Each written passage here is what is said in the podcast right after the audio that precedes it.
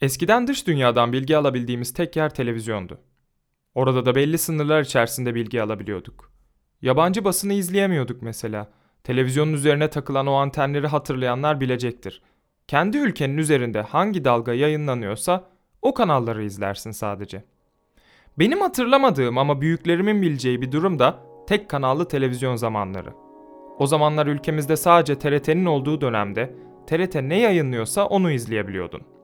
Sonradan özel televizyon kanalları ortaya çıktı. Yavaş yavaş TRT tekel olmaktan çıktı ve halkın artık izleyeceği içerik konusunda bir seçim şansı doğdu. Televizyon uzun yıllar ücretsiz olarak devam etti. Yani bir televizyon alman yeterliydi ki genç nesile söylemek gerekirse ilk zamanlarda televizyon alabilmek de güçtü.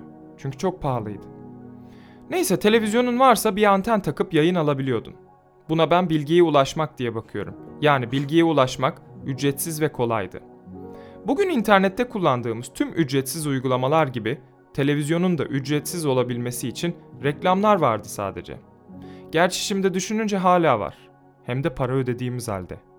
O konuya da değinelim. Televizyon teknolojisi geliştikçe analog yayından dijital yayına geçtik.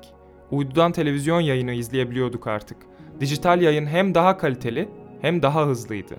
Görüntü ve ses daha iyiydi ve o eski kullandığımız antenli teknolojiye göre cızırtılar, görüntüde karıncalanmalar olmuyordu.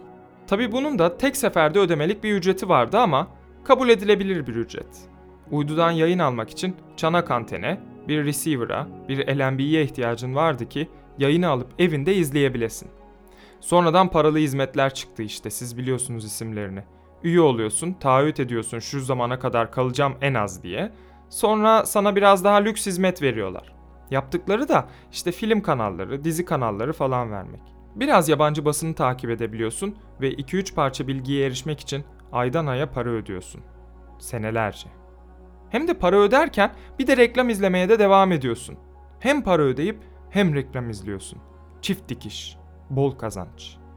Bu bir trend haline geldi dünyada. Ücretsiz de aynı kanalları izleyebiliyorken insanlar para vermeyi öyle bir kanıksadı ki evinde bu hizmet sağlayıcılardan olmayan yok şu anda. Sebebi büyük ihtimalle insanların bilgiye ulaşma istekleri. Eskiden dizi izlemek, film izlemek çok güçtü. Bulunmuyordu bir kere. İnternet vardı ama yasal olarak bu hizmetleri sunan yerler yoktu. Bu televizyon sağlayıcıları da bu durumu bir fırsata çevirip 2-3 tane filmi aynı kanalda döndürüp döndürüp izleterek insanlardan hizmet bedeli alıyorlar. Şimdi bu konuya nereden geldik? Özetleyecek olursam şöyle söyleyebilirim. İnsanlara önce ücretsiz olarak sunulan bazı hizmetlerin sonradan paralı hale gelmesi ve insanları bilgi almaya doğal bir isteği sayesinde de bu olayın bir trend haline dönüşmesi. Evet, işte korktuğum bu. Bazı şeylerin insanlar daha kabul etmeden bir trend haline gelmesi durumu. Aynı durum şimdi internette de mevcut.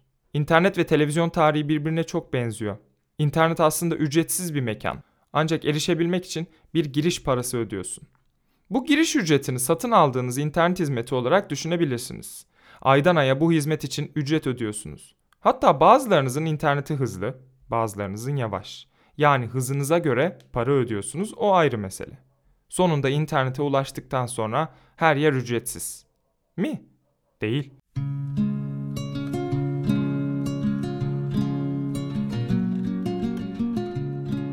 Bazı sitelere girmek için bir daha para vermeniz gerek tabi. Çünkü onlar da bir hizmet sunuyor ve bu hizmeti sunmak için de kendileri de para harcıyor.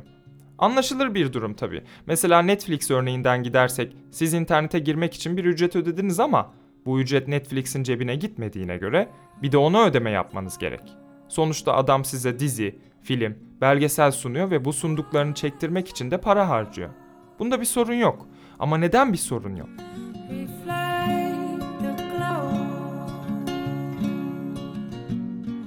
Bir de işe haberler yönünden bakalım. Gazeteler uzun bir zaman önce internete geçti. Artık dünyada birçoğu kağıt gazete basmıyor. Basanlar da eminim daha az basım yapıyordur. Bu şirketler haber sunabilmek için adam çalıştırıyor, bilgi topluyor ve topladığı bilgiyi de okuyucuya satmak zorunda ki geçinebilsin. İnternet gazeteler için zorlayıcı oldu çünkü artık okuyucu kağıt gazete satın almayıp internete giriyor. E bu şirketler nereden para kazanacak? E reklam almaya başladılar. Sitelerinde reklam gösterdikçe geçimlerini sağladılar. Belki kar bile ettiler ki yıllardır internet gazeteciliği de devam ediyor. Bir de Türkiye'de rastlamadığım, yabancı basında birkaç gazete sitesinde gördüğüm model var. Maksimum 3 tane haber okuyabiliyorsun, sonrasında üye ol diye bir ekran çıkıyor. Bir ücret ödemeni istiyor. Haber okumak için aylık ücret ödemek. Bazı gazete sayfası da haberi yarım gösteriyor. Hatta çeyrek. Devamını okumak için bir ücret öde diyor. Bu gibi durumlar trend haline gelirse vay halimize. Neden mi? Bilmiyorum fark ettiniz mi ama bilgi gittikçe bir lüks haline geliyor. Eskiden ücretsiz olan bilgi erişimi şimdi sadece para vererek sahip olabileceğin bir lüks olma yolunda ilerliyor. Bilgi dediğimde sadece haber olarak düşünmeyin. İzlediğiniz filmler, diziler, okuduğunuz yazılar, baktığınız fotoğrafların hepsi birer bilgi. Şimdi kafanızda aynı bende de olduğu gibi şu canlanmış olabilir. E canım, haklı değil mi bu şirketler? Ben de haksız olduklarını düşünmüyorum. Ama bir yandan da her şeyden bir ücret alarak ilerlendiği bir döneme gidersek de bilgiye sahip olanlar ve olamayanlar arasında çok büyük uçurumlar olacağını düşünmeden edemiyorum. Gazete okumak için aylık 3 lira. Başka bir gazete için daha bir başka 3 lira. Dizi izlemek için en az 25 lira. Bir de internet erişimi almak için en az ayda 45 lira ödediğimizi varsayarsak aylık 76 lira gibi bir ücreti ülkemizde ne yazık ki herkesin verebilme lüksünün olduğunu düşünmüyorum. Şimdi Avustralya tarafından bir haber çıktı. Hükümet yeni bir yasa tasarısı sundu. Artık herhangi bir internet sitesinin bir haber sayfasına link vermesi ücretli olacak. Kabul edilmedi henüz ama kabul edilirse durum böyle olacak. Bu da işte az önce bahsettiğim trendlere benzer bir durum ortaya çıkarıyor. Ama korkunçluğunu fark edebildiniz mi bilmiyorum. Şöyle açıklayayım.